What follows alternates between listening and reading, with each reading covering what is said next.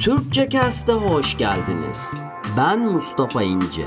Bu podcastlerde hayatlarında, işlerinde, ticaretlerinde ekip çalışması yer alan, kişisel gelişimlerine önem veren herkese faydalı içeriklerle karşılaşacaksınız. İyi dinlemeler dilerim.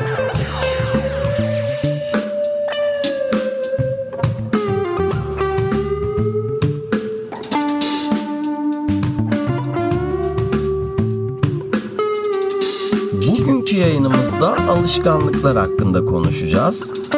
İyi alışkanlıklar nasıl edinilir? Kötü alışkanlıkları nasıl söküp atabiliriz? Bu konuları konuşacağız bugün. Ve environmental design denilen bir konu var. Çevresel düzenlemeler. Bunun alışkanlık kazanma konusunda faydaları nedir? Bunlara değineceğiz.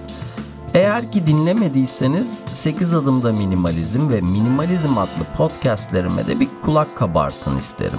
Çünkü bu da çevresel düzenlemelerle alakalı. Bundan da faydalanabilirsiniz arkadaşlar. Öncelikle yayına başlarken bir sözle başlamak istiyorum. Bunu daha önce işittiğinizi düşünüyorum. Düşünce tohumu ek ki uygulama biçesin. Uygulama tohumu ek ki alışkanlık biçesin. Alışkanlık tohumu ek ki karakter biçesin. Karakter tohumu ek ki kader biçesin. Bu sözü daha önce işitmişsinizdir. Benim penceremden düşüncelerin, alışkanlıkların nasıl geleceğimizi şekillendireceğini paylaşacağım.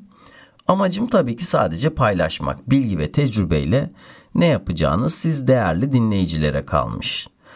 Bu da benim alışkanlığım. Yıllarca bildiklerimi, öğrendiklerimi ve tecrübelerimi paylaşarak geçindim. Ve geçinmenin, birbirimizle geçinmenin en güzel yolunun bu olduğunu düşünüyorum. Birbirimizi güçlendirmek, paylaşmak, birbirimize hizmet etmek. Şimdi Edison ampulü yolda yürürken bulmadı. Bunu hepimiz biliyoruz.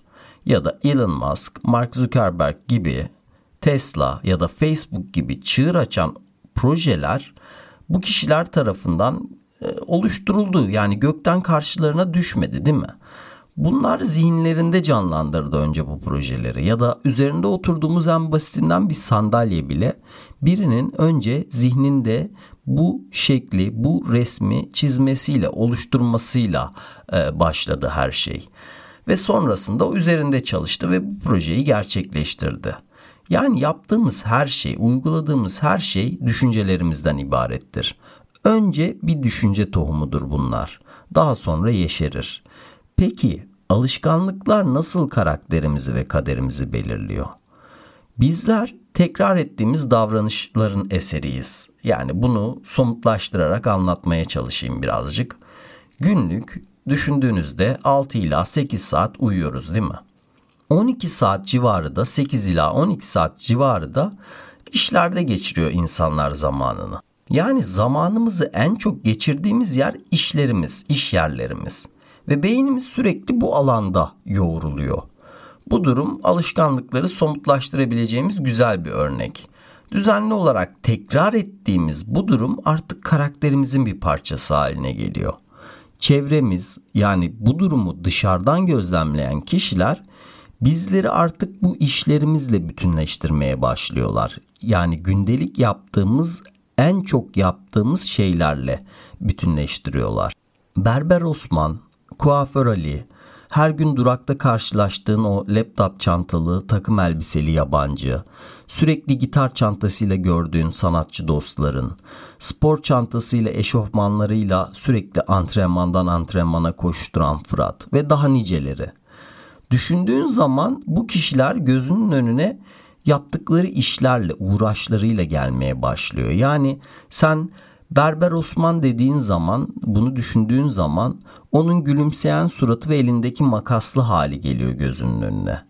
Yani günlük en çok tekrar edilen şeyler bizlerin o insanları zihnimizde canlandırdığımız görüntülerini oluşturuyor. Uğraşları ve kendileri arasında güçlü bağlantılar kurmaya başlıyoruz. Bu durum tüm alışkanlıklar için geçerlidir. Karakterler işte bu tekrar eden davranışların meyvesidir. Güzel bir şey var. Şu anda bulunduğumuz konum düşünce tohumlarımızın tekrar eden yaptıklarımızla filizlenmesi sonucu büyüyen alışkanlıklarımızdan ibarettir. Ama dediğim gibi güzel bir şey var. Ağaç değiliz. Konumumuzu değiştirebiliriz. Alışkanlıklarımızı değiştirerek konumumuzu değiştirebiliriz. Peki alışkanlıklar nasıl değiştirilir? Evreni duyu organlarımızla tecrübe ediyoruz.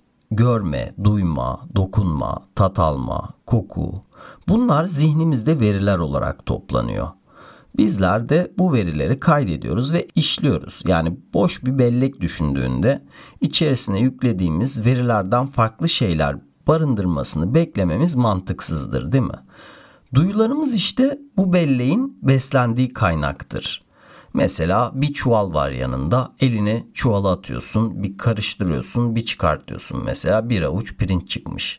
Diyebilirsin ki bu çuvalın içerisinde e, pirinç var diyebilirsin değil mi? Yani doğduğumuz günden bugüne kadar konuştuğumuz dil, kültürümüz, işte bir çaya süt katıp katmamamız bunların hepsi duyu organlarımızla topladığımız verilerin alışkanlıklara dönmesiyle oluşmuştur. Nasıl bir çocuk İngiltere'de doğduğunda İngilizce konuşuyor, Japonya'da doğunca Japonca konuşuyor. Ne değişiyor burada? Onun işte doğduktan sonra o sıfır belleğin kaydettiği veriler işte durumu değiştiriyor. Temizlik denilince genellikle aklımıza ne geliyor? Ev temizliği, vücut ya da kıyafet temizliği, son kullanma tarihi geçmiş besinleri tüketmeyerek sağladığımız mide temizliği bunlar geliyor değil mi aklımıza? Ama önemli bir organımız var, beynimiz. Peki beynimizin, zihnimizin temizliğini neden göz ardı ediyoruz? İşte bu temizlik gördüklerimiz, işittiklerimiz gibi duyusal kirlere karşı, duyu organlarımızın kirlenmesine karşı verdiğimiz mücadele demektir durumların pozitif yönlerini görmek ya da negatif yönlerini görmek. Bizleri güçlendirmeyecek ya da motivasyonumuzu kıracak kelamları dinlememek. Bu temizliğe verilebilecek örneklerdendir. Çevremizi kontrol edemesek dahi kendimizi kontrol edebiliriz değil mi? Ve asıl meselelerin çözümü de zaten burada yatıyor. Duymak ve işitmek, bakmak ve görmek bunlar farklı kavramlar. Yani her duyduğunuz sesi işitmeyebilirsiniz, dinlemeyebilirsiniz ya da her baktığınızı görmeyebilirsiniz değil mi? Seçim yapabiliriz ve zihnimizde yeşerecek tohumları belirleyebiliriz. Yani neler izliyorsun? Sen bu belleği neyle dolduruyorsun? Buna dikkat etmelisin. Hangi tohumları suladığımıza dikkat etmeliyiz. Öyle bir düşman düşünmelisin ki tüm kapıları kitlesen dahi güvende değilsin. Çünkü o daima seninle birlikte. Rakamlara odaklanma konusuna değinmek istiyorum burada. Ölçüler tek başına amaç olmamalı öncelikle. Mesela kilo vermeyi ele alacak olursak, rakamlara odaklanmak bizim büyük resmi görmemizi engeller. Kilo vermeye yönelik sağlıksız içeceklere ya da uç diyetlere başvurabiliriz, değil mi? Rakamlar resmin bir parçası fakat tamamı olamaz. Ticaret için de bu böyle. Amaç sadece belirli satış rakamlarına ulaşmak olursa çok sağlıksız yöntemlerle ticaretinizi kurabilir ve satış yapabilirsiniz. Beklentiler kurabilirsiniz insanlara. Hedeflerinize, hedeflediğiniz rakamlara ulaşmak için ürünleriniz hakkında yanlış bilgiler verebilirsiniz. Tanıtımlarınızı uzun vadeli düşüncelerden uzak, abartılı şekillerde gerçekleştirebilirsiniz. Yani hedefin sadece rakamlar üzerinde tıkalı kalması günlük belirli bir miktar kaloriyi tüketmeyi hedeflediğinde buna ulaşmak için e, çok sağlıksız şeyler yapabiliyorsun. Yani ne oluyor? Cipsten alabilirsin, koladan alabilirsin, benzeri sağlıksız besinlerden alabilirsin bu kaloriyi ya da daha sağlıklı besinlerden de temin edebilirsin. Yani unutmayın ki rakamlar tek başına başarı amacı olamaz sistem kurmak lazım. Hedef ve sistem farkına değinmek istiyorum. Siz de fark edeceksiniz ki e, hayatımız boyunca hedefler belirledik. Kendim için konuşayım. Sürekli olarak hedefler belirlerim ve kimi zaman bu hedeflere ulaşırım, kimi zamansa ulaşamam. Burada bir düşünmeye başlıyor insan. Yani hedefler tek başına başarı getirmiyor demek ki. Birçok olimpik sporcu altın madalyayı hedefliyor ya da iki karşılaşan futbol takımına baktığınızda ikisi de kazanmayı hedefliyor. Fakat belirledikleri hedef kazananı tayin etmiyor değil mi? Kazananı hedef koymak belirlemeyecektir. Tüm oyun boyunca hedef tahtasına odaklanabilirsin. Gözünü ondan ayırmasan bile bu durum skoru değiştirmeyecek. Oyun içerisindeki sistemler, performans, strateji, daha iyi oynamak gibi unsurlar kazananı belirleyecek değil mi? Ama burada hedefler de önemsizdir diyemeyiz. Çünkü hedefler yön belirler. Hangi alanda büyümeniz, gelişmeniz gerektiğini belirler. Fakat sistem ve proseye odaklanmak gerekir. Denizin ortasındaki bir kayık gibi yani bir kayık düşünün. Hangi yöne gideceği belli olmazsa bulunduğu noktada döner dolaşır değil mi? Ya da çok farklı yönlere gidebilir, kaybolabilir. Hedef işte bu kayığın yönünü belirler. Fakat sistemler onun o yönde hareket etmesini sağlayan unsurdur. Şu andaki konumumuz da aslında bulunduğumuz yerde aldığımız tüm sonuçlarda daha önceden kurduğumuz, uyguladığımız hayatlarımızdaki sistemlerin eseridir. Farklı sonuçlar için farklı hedefler değil, farklı sistemler geliştirmemiz gerekiyor. İşte alışkanlıklar geliştirmemiz ve bunları değiştirmemiz gerekiyor. Çevresel düzenlemeler bunun için çok faydalı kullanabileceğimiz bir araç aslında. Çevresel düzenlemeler nasıl faydalı olabilir ona değinelim birazcık. Çekiç, makas, pense, kerpeten ve benzeri aletlerle dolu bir alet çantası düşünün. Gerekli aletleri gerekli yerde kullanmak sonuç almak için önemlidir değil mi? Yani tornavidayla e, çivi çakmaya çalışmamak lazım. Çevresel düzenlemeler doğru aletin doğru yerde bulundurulması demektir. Bu konuyu biraz daha açmaya çalışayım. Şimdi kendim için mesela bir örnek vereyim. Daha sağlıklı bir hayat yaşama kararı verdiğimde e, birbirini tetikleyen alışkanlıklar edinmeye odaklandım. Bunlardan biri de düzenli ve yeterli miktarda su tüketmek oldu. Mümkün oldukça tek kullanımlık pet şişelerden de uzak durmaya çalışırım. Her dışarı çıktığımda mesela termosumu ya da su şişemi yanımda bulundurmaya özen gösteririm. Bu mesela benim bu alışkanlığı kazanmamda fayda sağlayan küçük bir çevresel düzenlemeydi. Yaşam alanımda yaptığım ufak çevresel düzenlemelere örnek vereyim. Mesela masama ya da oturma odasına koyduğum bir su şişesi benim bu alışkanlığı kazanmamda etkin bir rol oynadı. Neden? İşte su içmek için üşeniyordum. Mutfağa gittiğimde içerim. Ne bileyim buzdolabına gittiğimde içerim vesaire diyordum ve bu su içme alışkanlığımı hep erteleyip duruyordum. O yüzden bir basit bir çevresel düzenleme bu konuda ne yaptı? Benim bu alışkanlığı edinmemde bana fayda sağladı. Ya da diş ipi kullanma alışkanlığım için mesela küçük bir çevresel düzenleme yaptım.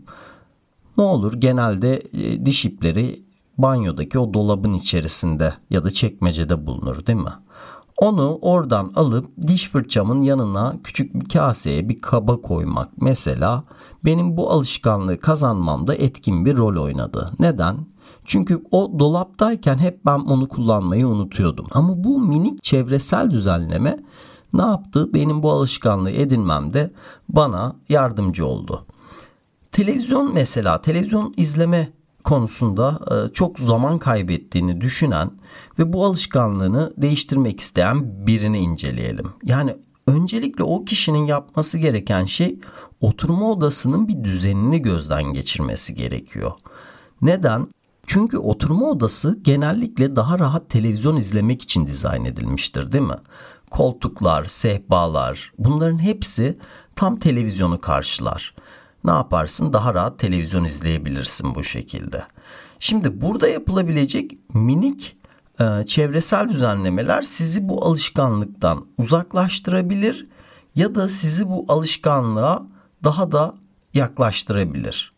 Mesele ne burada? Oluşturmak istediğimiz tüm iyi alışkanlıklarla mesafemizi azaltmalıyız ve değiştirmek istediğimiz kötü alışkanlıklarla da mesafemizi uzaklaştırmalıyız. Yani kumandayı mesela uzak bir yere koymak, pillerini çıkarmak, televizyonun fişini çekmek. Bunlar bir çözüm olabilir ya da uç bir çözüm yolu olarak televizyonu tamamıyla oradan başka bir yere kaldırmak. Bizim bu alışkanlıkla aramıza mesafe koyacaktır değil mi? önemli olduğunu düşündüğünüz ve izlemeniz gereken bir program sırasında televizyonu tekrar oraya koyabilirsiniz. Ya da kumanda pillerini takana kadar ya da fişi prize takana kadar ki süreç içinde bu eylem sonrasında birkaç saat televizyon önünde takılı kalacağım diyebilirsiniz kendinize ve kararınızı tekrar gözden geçirebilirsiniz bu şekilde. Özet olarak kazanmak istediğimiz herhangi bir konudaki alışkanlık için sistem geliştirebilir, küçük çevresel düzenlemelerle alışkanlık kazanımını daha kolay bir hale getirebiliriz. Alışkanlık sistemleri geliştirme konusuna gelince, beyin istesek de istemesek de sürekli olarak alışkanlık inşa ediyor. Çoğu davranış kendiliğinden halledilecek bir duruma geliyor. Bilinçsizce yapıyor ve sonuçlandırıyoruz biz bunu. Aslında bu evrimin bize sunduğu harika bir sistemdir. Beyin hayatta kalmak için sorun çözüyor ve sorunlar çözüldükçe aynı çözüm tekrarlandıkça ve tekrarlandıkça bizler farkında olmadan otomatik gerçekleşen eylemlerin içerisinde kayboluyoruz. Yani zihinsel kısa yollar oluşturuluyor. Bu gerçekleşen durum harika bir sistemdir aslında. İlk defa ayakkabı bağlama sorununa çözüm ürettiğiniz dönemi bir düşünün. Başta çok zorlanıyorduk değil mi? Onu alttan geçir bunu üstten. E, Baya bir zamanımızı aldı bunu öğrenmemiz. Beyin başta zorlanıyordu ama defalarca kez aynı soruna çözüm ürettik, çözüm ürettik ve bu durum artık hafızanın derinliklerinde bir yere kaydedildi. Ne oldu artık biriyle muhabbet ederken, müzik dinlerken basitçe hiç düşünmeden ayakkabı bağlayabilir bir duruma geldik. Günlük karşılaştığımız tüm sorunlar için durum aynı. İşten eve dönüyorsun, streslisin, yoruldun, bunaldın, daraldın ve bu duruma çözüm arıyorsun. Çözümlerin neler olabilir? Konsol oyunları, TV şovları, alkol, sigara, koşmak, yoga yapmak, vücut geliştirmek, spor salonuna gitmek gibi aynı soruna çok farklı çözümler üretebiliriz, kullanabiliriz. Bu noktada önemli olan şey aynı sorunu birden farklı yöntemlerle çözebileceğimizi bilmemiz. Bizler için faydalı çözüm yolları üretmeliyiz. Yani neleri alışkanlık edeceğimizi belirlememiz gerekiyor. Çözüm yollarımız arasında bunları dikkatlice belirlemeliyiz. Çünkü her halükarda alışkanlık edineceğiz. Bunu en iyi nasıl şekillendirebiliriz ona odaklanmamız gerekiyor. Alışkanlıkların bir de domino etkisi vardır. Yani genellikle bir alışkanlığı edinmek ardından gelecek başka alışkanlıkların öncülüğünü yapar. Örneğin spor salonuna gitme alışkanlığını ele alalım. Ardından yediklerinize daha dikkat etmeye başlayabilirsiniz değil mi? Çünkü spor yaparken kazandığınız kas kütlesini kaybetmek istemez ya da verdiğiniz kaloriyi tekrar almamaya özen gösterirsiniz. Daha sağlıklı beslenmeye çalışırsınız. Yaptığınız egzersizin ardından bir odaklanma konusunda pompalama hissedersiniz bir sürelik. Yorulduğunuz için daha rahat bir uyku tecrübe edersiniz. Dolayısıyla daha erken kalkabilirsiniz ve daha enerjik bir gün geçirebilirsiniz değil mi? Bunların tümü aslında bir alışkanlığın ardından kazanılabilecek diğer alışkanlıklara örnektir. Yani domino etkisine bir örnektir. Birbirini etkileyen alışkanlıklar zinciri kurabilirsiniz. Hatta bu şekilde kurmalısınız. Düzenli yürüyüşler yapmak, meditasyon yapmak gibi birçok günlük ritüeller kullanabilirsiniz arkadaşlar. Anlık kararlar konusu e, var burada değinmemiz gereken. Çünkü günün %40'lık, %50'lik bölümü düşünmeden hafızaya atılan, önceden atılmış hafızaya alışkanlıklarla geçiriyoruz biz günü. Bu durum bir arabanın yokuş aşağı kendi kendine gitmesi gibi. Cep telefonunu 5 saniyelik bir eylemle cebinden çıkartıyorsun. Fakat bu alışkanlık sonrası gelecek 20 dakikayı 30 dakikayı etkiliyorsun. Sosyal medyada gezinmek, mailler arasında kaybolmak ya da bir telefon oyununa takılı kalmak gibi.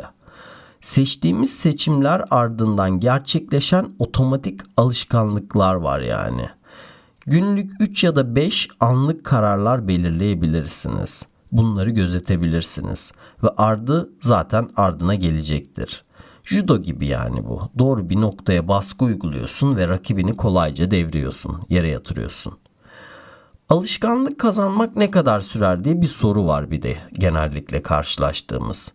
Kimisi 21 gün der, kimine göre bir ay, kimine göre 3 aydır bu süreç. Son araştırmalara göre de diyorlar ki 66 gün. Fakat bu araştırmalara daha detaylı bakacak olursanız alışkanlığın basit ya da komplike bir alışkanlık olmasına göre bu durum değişir. Yani düzenli su tüketme alışkanlığı belirli bir süre birkaç hafta belki de alabilecekken düzenli koşma alışkanlığını kazanmak birkaç ayınızı alabilir. Peki ama ne kadar sürer? Bu yanlış bir yaklaşım. Ömür boyu. Yani bir alışkanlık tekrar ettiğiniz sürece zaten vardır. Yapmazsanız bir alışkanlık olmayacaktır zaten değil mi? Burada kurulan aslında bir yaşam tarzıdır. Ve kendinizi eğer bu alışkanlıklarla bütün göremiyorsanız zaten zaman kaybetmenizin bir anlamı yoktur. Yani kendinize sorun. Hayatım boyunca ben %90, %95 oranında bu alışkanlığı gerçekleştirecek miyim? Eğer cevabınız hayırsa bu alışkanlığı edinmeniz pek de mantıklı değildir edinmeye çalışmanız. O alışkanlığı küçültmeyi deneyin ve bir alışkanlığa odaklanmalısınız. Onunla bağlantılı aynı yönde kombinasyonlar, farklı alışkanlıklar edinmelisiniz. Yani bir başına tek alışkanlık edinmek gitmek istediğiniz yönde e, hayatınızı değiştirmez. Mesela 10 bin adım yürümek. Tek başına yeterli olmayacaktır yani gün içerisinde 5 bin 10 bin adım bu tarz application'lar var ya kullanıyor arkadaşlar. Aynı yönde farklı alışkanlıklar da edinmelisiniz. Düzenli spor yapmak, iyi ve doğru beslenmek gibi yardımcı alışkanlıklar da edinmeniz gerekiyor.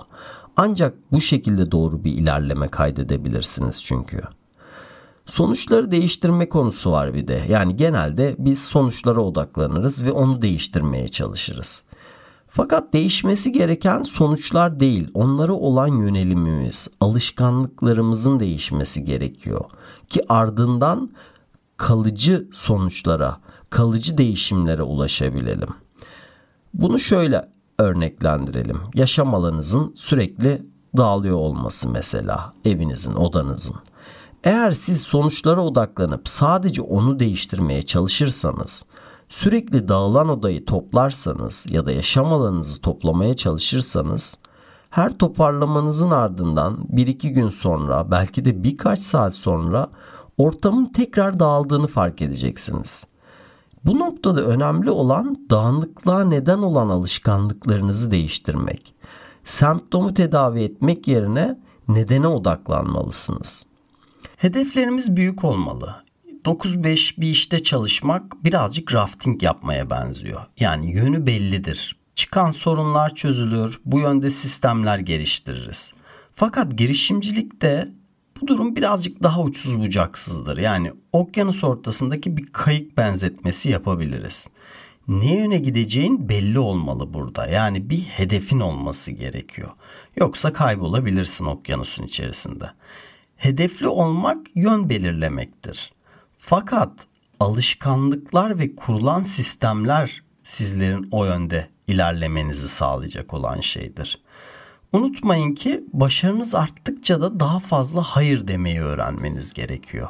Çünkü başarı daha fazla başarıyı etrafında topluyor ve burada yönümüz kaybolabilir. Başarı ardından başka fırsatlar, farklı doğrultular önümüze sunulabilir ve bu yönümüzü kaybetmemize neden olabilir. Dolayısıyla hayır demeyi de öğrenmemiz gerekiyor. Bütün bu bahsettiğim konulardan kendinize faydalı noktaları çekip alabilir ve sizler de hayatlarınızda daha faydalı alışkanlıklar edinebilir ya da sökmek istediğiniz, faydasız olduğunu düşündüğünüz alışkanlıkları bu yöntemle, bu bahsettiğim konularla birlikte hayatınızdan çıkarabilirsiniz. Bir sonraki yayınımızda görüşmek üzere arkadaşlar.